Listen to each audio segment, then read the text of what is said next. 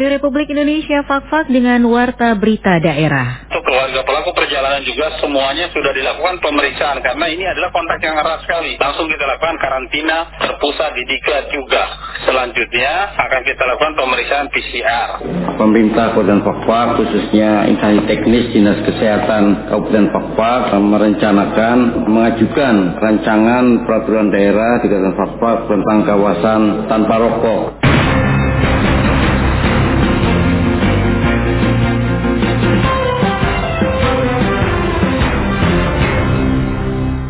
Sari Berita, tim kesehatan saat ini masih terus melakukan pemeriksaan rapid test kepada masyarakat yang melakukan kontak dengan pelaku perjalanan dari Bintuni melalui jalur darat. Sesuai ketentuan PKPU nomor 5 tahun 2020 tentang program tahapan dan jadwal pemilihan tahun 2020, KPU Fakfak telah melaksanakan beberapa agenda penting guna sukses pelaksanaan pilkada di daerah ini. Itulah berita utama pagi ini selengkapnya bersama saya Rifanti.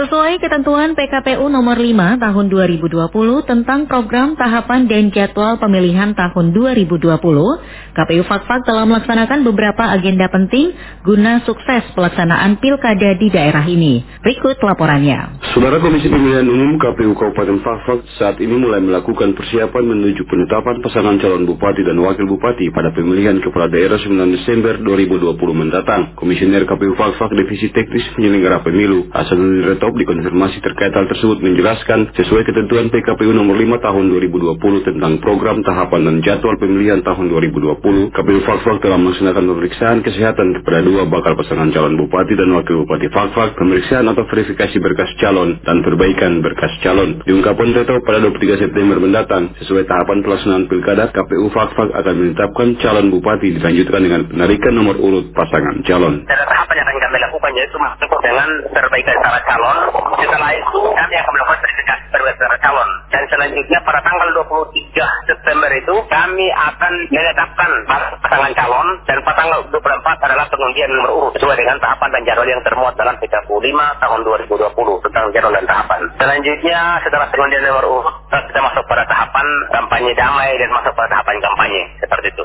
Salah satu agenda penting yang dilakukan KPU adalah rapat pleno daftar pemilih sementara atau DPS pada Pilkada Kabupaten Fakfak 9 Desember 2020, di mana dari hasil pleno DPS terdapat 25.089 dari jumlah pemilih laki-laki, sedangkan untuk jumlah perempuan sebanyak 24.616 sehingga total wajib pemilih pada DPS sebanyak 49.705. Ketua KPU di Heru Dekri Raja Lowa dikonfirmasi hal tersebut menjelaskan DPS akan ditempelkan pada tempat-tempat umum dan di setiap kelurahan atau kampung sehingga memudahkan masyarakat dalam mengecek namanya apakah sudah masuk dalam DPS atau belum. Ketua KPU juga menghimbau kepada warga masyarakat yang telah memenuhi syarat untuk memilih namun belum masuk dalam DPS agar segera mendaftarkan diri dengan membawa KTP elektronik dan kartu keluarga ke petugas sehingga diakomodir masuk dalam daftar pemilih. Demikian Niko Flubun melaporkan.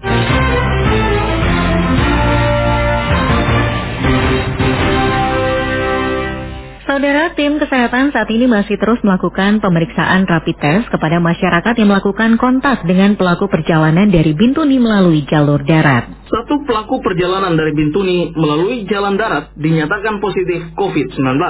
Sesuai informasi yang berhasil dihimpun RRI, mulai dari kemarin hingga saat ini, tim medis masih terus melakukan pemeriksaan rapid test kepada masyarakat yang melakukan kontak langsung dengan pelaku perjalanan tersebut. Selengkapnya, kita ikuti penjelasan Dr. Suban Romoning, juru bicara percepatan penanganan dan pencegahan COVID-19 Kabupaten Fakfak. Jadi memang kami mendapat laporan langsung bahwa ada satu orang pelaku perjalanan yang berasal dari Bintuni yang masuk melalui jalan darat ke Kabupaten Fakfak seperti itu. Tetapi beliau sudah berinteraksi juga, sudah kontak dengan jemaat gereja saat itu sehingga pihak gereja melaporkan kepada kami selaku gugus tugas dan kami melakukan penanganan sesuai dengan protokol penanganan COVID-19. Beliau kami arahkan ke diklat, kemudian kita lakukan pemeriksaan rapid test. Dari hasil rapid test didapatkan memang rapid test reaktif untuk imunoglobulin M-nya. Sehingga pemeriksaan selanjutnya adalah dilakukan pemeriksaan swab PCR. Swab PCR kita dapatkan ternyata positif, sehingga beliau langsung dikarantina terpusat di Diklat, kemudian dengan bantuan teman-teman dari Dinas Kesehatan dan dari Puskesmas juga, itu dilakukan tracing orang-orang mana yang memang sudah kategori dalam kontak erat dan lain sebagainya. Nah, kemudian dari saat ini sedang berlangsung pemeriksaan terhadap sekitar 50 jemaat yang tergolong yang berkontak dengan beliau. Kita lakukan pemeriksaan screening untuk rapid test dan uh, pemeriksaan kesehatan lainnya. Sedang menunggu hasil, nanti setelah itu akan ditentukan langkah penanganan kesehatan untuk COVID-19 selanjutnya. Sedangkan untuk keluarga pelaku perjalanan juga semuanya sudah dilakukan pemeriksaan karena ini adalah kontak yang erat sekali. Dilakukan pemeriksaan memang didapatkan anak pasien itu reaktif sehingga anak, ibu dan anggota keluarga yang lain yang memang satu rumah langsung kita lakukan karantina terpusat di diklat juga. Selanjutnya akan kita lakukan pemeriksaan PCR. Dari 50 yang sudah diperiksa ini bagaimana statusnya Pak Dok? Nah, ini saat ini pemeriksaan masih berlangsung. Pemeriksaan masih berlangsung. Saya sendiri belum menerima laporan dari pihak rumah sakit setelah uh, yang tadi sudah melakukan pemeriksaan, pengambilan darah, kemudian pemeriksaan kesehatan, tetapi saya sendiri belum mendapatkan laporan selesai. Jadi saat ini memang masih running, masih berjalan pemeriksaannya. Nanti setelah selesai hasil pemeriksaan, kemudian didapatkan hasilnya, setelah itu baru langsung dilakukan penanganan sesuai dengan protokol COVID-19 terbaru. Dari informasi di beberapa tempat ini memang dari petugas tracing itu sudah melakukan tracing atau pelacakan terhadap kontak dan lain sebagainya. Ada mekanisme namanya kontak erat. Kontak erat pun juga itu ada namanya kontak erat itu kondisinya dia berkontak kurang dari satu meter dengan waktu lebih dari lima menit. Maka itu dikategorikan sebagai kontak erat. Kontak erat pun tidak bisa langsung di swab. Ada namanya protokol kesehatan dilakukan karantina mandiri juga selama 14 hari. Jika dalam 14 hari timbul gejala peningkatan gejala misalnya demam atau batu, baru bisa kita lakukan pemeriksaan swab karena kelasnya naik menjadi suspek. Hmm. Seperti itu protokolnya seperti itu. Intinya saat ini sedang dilakukan pemeriksaan. Setelah pemeriksaan dilakukan, maka setelah itu kita akan ambil langkah-langkah selanjutnya sesuai dengan protokol penanganan COVID-19 yang terbaru. Pelaporan peristiwa ini, saya disampaikan memang beliau pada saat masuk, kemudian dari pihak gereja, itu langsung melaporkan ke kami, Pak. Langsung melaporkan ke kami untuk pelaku perjalanan tersebut. Oh, jadi ini dikatakan belum ada berhari-hari begitu Pak Dok ya? Tidak, tidak sampai satu minggu tidak. Saya informasi terakhir yang saya dengar, tetapi harus saya lakukan analisis lebih lanjut lagi untuk tiap-tiap orang. Ada yang bilang kontak hari saya sampaikan sudah empat hari atau tiga hari. Intinya saat ini masih dalam proses tracing. Kita dapatkan 50 orang yang melakukan kontak. Sebanyak itu kita lakukan pemeriksaan dulu. Nanti setelah itu baru ditentukan langkah selanjutnya seperti apa. Karena memang dibantu oleh uh, pihak gereja untuk uh, tracingnya. Mungkin ada hal yang disampaikan kepada masyarakat, Pak Dok? Saya ingin disampaikan kepada masyarakat, khususnya untuk pelaku perjalanan. Nah, melihat dengan proses tracing yang begitu susah juga, apalagi ketika uh, saudara dari luar masuk kepada Fakfak, Fakfak telah melakukan serangkaian pemeriksaan, screening yang begitu ketat di tiap bandara, tiap pelabuhan. Fungsinya adalah untuk menjaga Fakfak agar tidak terjadi transmisi lokal. Maka hendaknya saudara yang mungkin masuk dari luar atau yang masuk ke Fakfak dan mungkin saat itu tidak terscreening dengan baik, uh, satu uh, atau dua orang, nah sebaiknya melaporkan diri dulu berkomunikasi dengan pihak kesehatan atau pihak puskesmas bahwa dari luar kota sehingga bisa dilakukan pemeriksaan lanjutan sehingga membuat di sekeliling kita, keluarga kita, saudara-saudara kita juga aman semuanya seperti itu. Kepada masyarakat sudah kami sampaikan bahwa proses tracing sudah dilakukan dengan baik oleh pihak kesehatan dan juga dibantu oleh pihak gereja. Oke, seperti itu. Tetap semua akan dipantau. Ada namanya masa klinisnya, ada namanya gejala penyakitnya. Kita lakukan pertama mungkin pemeriksaan rapid test dulu untuk melihat apakah imunnya terbentuk atau tidak.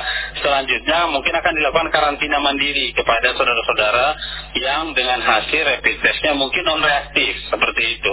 Setelah itu kita akan pantau gejalanya. Apa pun itu tetap akan kami selaku gugus tugas akan melakukan penanganan sesuai dengan protokol terbaru. Misalnya harus segera di PCR, di PCR, di swab, di swab. Yang penting kita sama-sama sepakat untuk mengikuti protokol yang telah dibuat oleh pemerintah. Sehingga kita akan tetap menjaga kabupaten kita aman dari penyebaran lokal di COVID-19 ini. Baik. Yang penting ada namanya keterbukaan, ada namanya kejujuran bahwa ini pelaku perjalanan masuk, segera lapor. Kemudian saudara kita ini juga ketika melihat itu, itu langsung melaporkan kepada gugus tugas. Seperti yang teman-teman dari sinode atau dari pihak gereja sampaikan bahwa ada pelaku perjalanan. Kemudian secara aktif menyampaikan kepada gugus tugas sehingga secepat mungkin kita putus rantai penularan dan secepat mungkin dilakukan pemeriksaan tracing itu.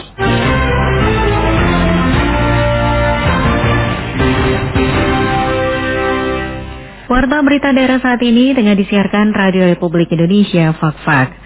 Saudara guna melindungi kesehatan masyarakat dari bahaya akibat rokok serta membudayakan hidup sehat dan menekan angka pertumbuhan perokok pemula, Dinas Kesehatan Kabupaten Fakfak menyusun rancangan peraturan daerah Kabupaten Fakfak tahun 2019 tentang kawasan bebas rokok. Guna meminimalisir bahaya dari asap rokok terhadap perokok itu sendiri maupun orang lain, Dinas Kesehatan Kabupaten Fakfak menyusun rancangan peraturan daerah Kabupaten Fakfak tahun 2019 tentang kawasan bebas rokok. Kepala Dinas Kesehatan Kabupaten Fakfak, Gondo Suprapto mengatakan, pembuatan draft rancangan peraturan daerah Kabupaten Fakfak tahun 2019 tentang kawasan bebas rokok telah diusulkan ke DPRD Kabupaten Fakfak yang saat ini usulan tersebut masih dibahas dan dikodok secara bersama. Dikatakan selain draft rancangan perda kawasan bebas rokok juga telah diserahkan melalui bagian hukum pemerintah Kabupaten Fakfak dan selanjutnya akan dikonsultasikan dan dibuat permintaan pembuatan nomor register kepada Biro Hukum Provinsi Papua Barat di Manokwari pemerintah Kabupaten Fakfak khususnya instansi teknis Dinas Kesehatan Kabupaten Fakfak merencanakan akan mengajukan rancangan peraturan daerah di Kabupaten Fakfak tentang kawasan tanpa rokok. Dan hal ini memang berpedoman pada surat keputusan bersama Menteri Kesehatan dan Kementerian Dalam Negeri nomor 188 garis miring Menkes garis miring PPI tahun 2011 dan nomor 7 tahun 2011 tentang pedoman pelaksanaan kawasan tanpa rokok yang merupakan landasan hukum bagi kita instansi teknis di bawahnya baik dinas kesehatan maupun pemerintah daerah. Oleh karena itu kami dari dinas kesehatan membuat draft rancangan tersebut dan diusulkan DPRD Kabupaten Fakfak dan saat ini usulan itu masih digodok dan sudah lewat bagian hukum pemerintah Kabupaten Fakfak juga sudah merancang dan selanjutnya akan dikonsultasikan dan uh, dibuat sebuah uh, permintaan nomor register kepada hmm. Biro Hukum Provinsi Papua Barat di Manokwari. Menurut Kadis Kesehatan Kabupaten Fakfak, tujuan pembuatan draft rancangan peraturan daerah Kabupaten Fakfak tahun 2019 tentang kawasan bebas rokok adalah untuk melindungi kesehatan masyarakat dari bahaya asap rokok, membudayakan hidup sehat, serta menekan angka pertumbuhan perokok pemula. Sementara sasaran yang menjadi kawasan bebas rokok adalah fasilitas pelayanan kesehatan, tempat proses belajar mengajar, tempat anak bermain, tempat ibadah, angkutan umum, dan lain sebagainya.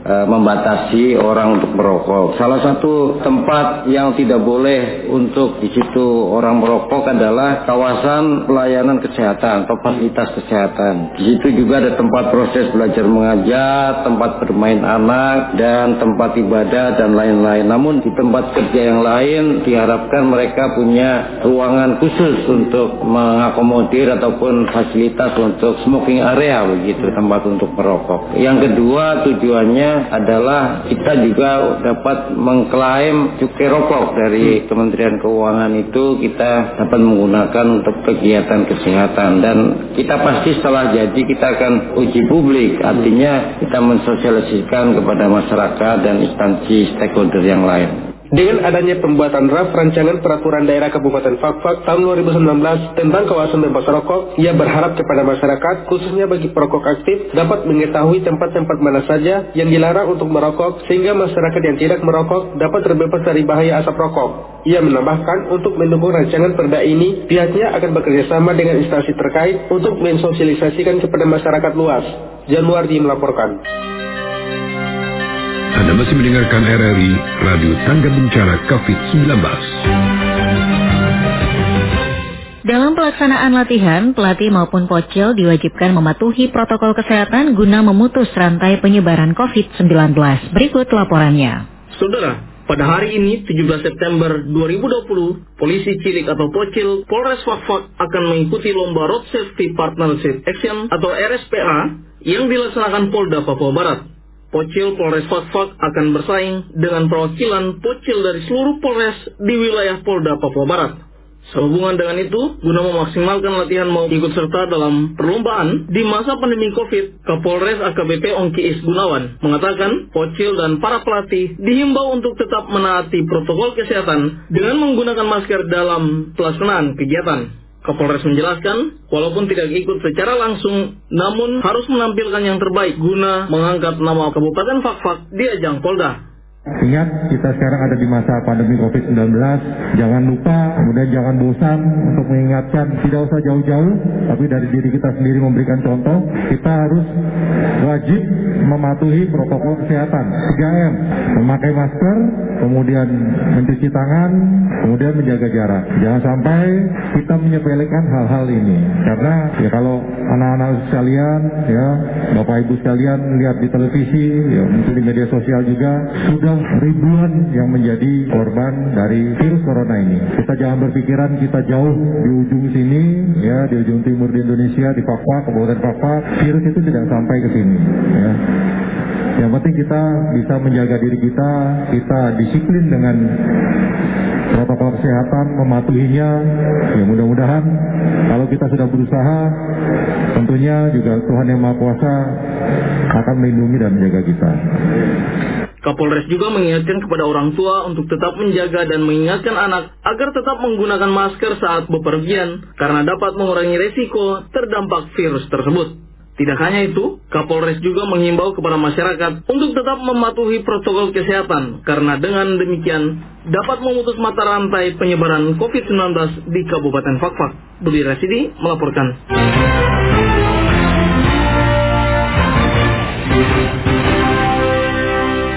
Saudara Kapolres Fakfak AKBP Ongki Isgunawan menyampaikan pihaknya siap mengamankan jalannya setiap tahapan pilkada di daerah ini. Selain itu, pelaksanaan tahapan penyelenggaraan pemilihan kepala daerah di tengah pandemi COVID-19 harus menjadi perhatian seluruh komponen masyarakat. Saudara pelaksanaan tahapan penyelenggaraan pemilihan kepala daerah di tengah pandemi COVID-19 harus menjadi perhatian semua pihak. Terkait hal ini, Kapolres Fakfak AKBP Ongki Isgunawan menyampaikan pentingnya penerapan protokol kesehatan dalam pelaksanaan tahapan pilkada Desember mendatang. Diungkapkan Kapolres untuk aturan tentang protokol kesehatan sudah sangat jelas tertuang dalam peraturan Komisi Pemilihan Umum PKPU. Selain itu ada instruksi Presiden nomor 6 tahun 2020 tentang peningkatan disiplin dan penegakan hukum protokol kesehatan dalam pencegahan dan pengendalian COVID-19.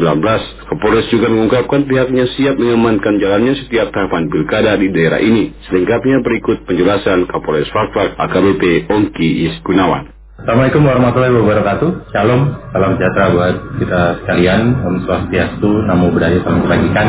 Warga masyarakat Kabupaten Fakfak. Saya AKBP Ongki Gunawan, Kapolres Pak akan memberikan sedikit penyampaian berkaitan dengan situasi Kamtipmas yang ada di Kabupaten Pakpak berkenaan dengan tahapan pilkada yang akan kita laksanakan nanti tanggal 9 Desember tahun 2020. Adapun kegiatan-kegiatan yang sudah kita lakukan, warga masyarakat tahu tahapan pilkada sudah dimulai kemarin tanggal 3 September dari mulai pendaftaran pasangan calon sampai dengan tanggal 6 kemarin dan sudah ditutup dan di kita ada dua pasangan calon yang memang sudah terdaftar. Saat ini dilaksanakan verifikasi oleh pihak KPU tentang pasangan calon tersebut. Kemudian nanti juga setelah itu tahapan berikutnya adalah pemungutan nomor undian.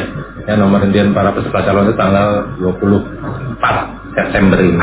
Kemudian setelah itu dilanjutkan dengan masa kampanye. Ya, masa kampanye nanti akan sangat panjang, jadi mulai September, Oktober, kemudian November, kemudian nanti sampai dengan masa tenang. Jadi yang perlu disampaikan di sini, kemarin kita juga sudah melaksanakan pengamanan kita dari anggota Polres Pakpak kita menggunakan personil kita sendiri. Yang terlibat nantinya ada sekitar 334 orang, itu 257 orang itu yang ada di atau organik Polres Papua sendiri, kemudian nanti akan kita minta bantuan dalam hal pemungutan suara nanti di TPS karena kita memang kekurangan personil, kita minta bantuan dari rekan-rekan kita dari Polda Papua Barat. Kemudian untuk pengamanan sendiri, baik di kota maupun nanti di tempat-tempat penting akan kita siagakan pasukan Brimob. Jadi kita BKO kan pasukan Brimob dari Polda Papua Barat. Sebenarnya kita minta satu kompi ya sekitar 90 personil. Tapi nanti kita lihat eskalasi yang terjadi kalau kita nanti lihat situasi Kamtipmas yang ada di Kabupaten Papak ini bisa kita kendalikan, kemungkinan kita tidak menurunkan sebanyak satu kopi atau 90 personil BKU Brimob. Nah, kita lihat nanti sampai dengan eskalasi yang ada. Kemudian berkaitan dengan hal tersebut, yang harus kita ingat sekarang adalah kita berada pada masa pandemi COVID-19, di mana Presiden juga sudah mengeluarkan Impres nomor 6 tahun 2020. Situ terdapat perintah kepada seluruh kepala daerah, kemudian TNI maupun Polri untuk bersinergi dalam hal pendisiplinan terhadap masyarakat untuk mematuhi protokol kesehatan, yang terutama dalam penggunaan masker. Kemudian kita diperintahkan untuk sering mencuci tangan dengan sabun setelah kita berkegiatan atau ataupun kalau kita di luar kita bisa menggunakan hand sanitizer. Kemudian yang ketiga adalah menjaga jarak antar orang atau istilahnya jangan kita berkerumun. Tiga hal ini yang saya minta kepada para masyarakat, kemudian para pasangan calon, kemudian para partai politik dan sebagainya yang terlibat dalam pilkada di Kabupaten Pakpak ini agar selalu mematuhi protokol kesehatan yang sudah ditetapkan. Ingat di Undang-Undang PKPU itu juga sudah dijelaskan tentang tahapan-tahapan atau kegiatan-kegiatan yang bisa diikuti oleh pasangan calon maupun pendukungnya dan itu sudah diatur semuanya, baik dari jumlah masa maupun waktu yang ditetapkan. Kalau toh pun memang nanti kita lihat dari Satuan Gugus Tugas Kabupaten Pakpak juga terlibat di dalamnya. Ya, kita lihat nanti kalau memang ada yang dilanggar berkaitan dengan Undang-Undang PKPU itu nanti ranahnya adalah kepada Bawaslu nanti yang akan menindaklanjuti. Namun kalau setelah dilaksanakan penelitian dan itu masuknya adalah ranah pidana, itu akan diserahkan kepada pihak Polri.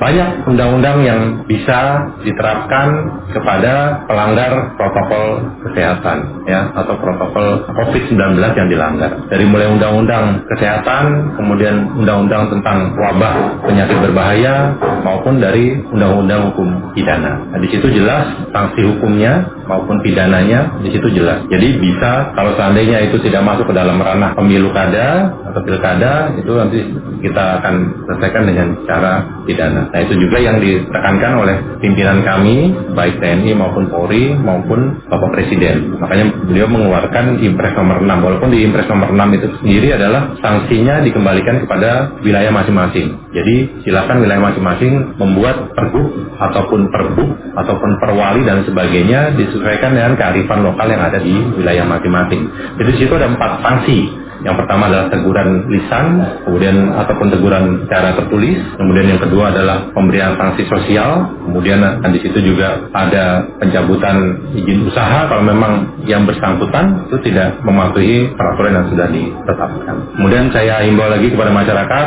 ingat kita masing-masing memang punya pilihan, ya, terutama pilkada ini saya yakin juga karena berlangsung lima tahun sekali, jadi masyarakat juga dengan antusiasmenya memberikan suaranya kepada masyarakat calonnya ataupun masing-masing uh, orang yang didukung. Ya. Tapi ingat, ancaman COVID-19 ini adalah nyata. Sudah ribuan yang meninggal dunia. Jangan kita sepelekan, jangan kita anggap remeh. Musuh kita saat ini tidak nyata atau tidak terlihat tapi kematiannya itu betul-betul nyata. Jangan sampai masyarakat sekalian sudah terkena baru menyesal. Ya, lebih baik kita menghindari, lebih baik kita berikhtiar untuk menjauhi hal-hal tersebut dengan tadi yang saya sampaikan tadi menerapkan pola hidup sehat, kemudian ya itu tadi 3M, ya memakai masker, menjaga jarak, kemudian mencuci tangan. Itu mudah-mudahan yang saya sampaikan ini dapat dipatuhi oleh masyarakat sekalian, terutama yang melaksanakan pilkada di Kabupaten Pakpak ini agar kita semua, terutama khususnya di Kabupaten Pakpak, dapat terhindar dari wabah COVID-19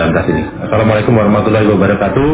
Shalom, salam sejahtera bagi kita sekalian. Om Santi Santi Santi Om. Sekian Warta Berita Daerah, Produksi Radio Republik Indonesia, Fakfak.